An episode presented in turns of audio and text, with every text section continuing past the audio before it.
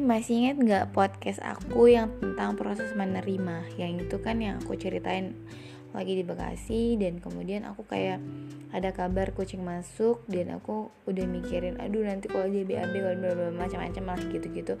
Yang kayak membuat aku ngerasa hmm, gimana ya?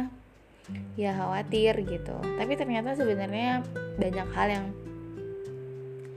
banyak hal yang sebenarnya kita nggak perlu khawatirin sangat ya. Karena kenyataannya ketika aku pulang ke kos pun ya memang di uh, bed cover aku ada kayak bulu-bulu kucing gitu. Tapi ya udah kok aku cuma tinggal uh, laundry bed covernya aku ganti spraynya udah beres gitu. Nggak ada hal-hal yang aku khawatirin kayak takut dia BAB dan lain sebagainya gitu. Jadi kadang kita tuh terlalu mengkhawatirkan banyak hal ya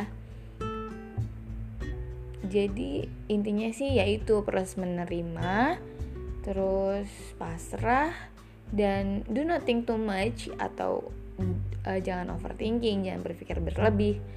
Jalani aja gitu deh. Intinya itu aja sih. Oke cukup satu menit. Bye bye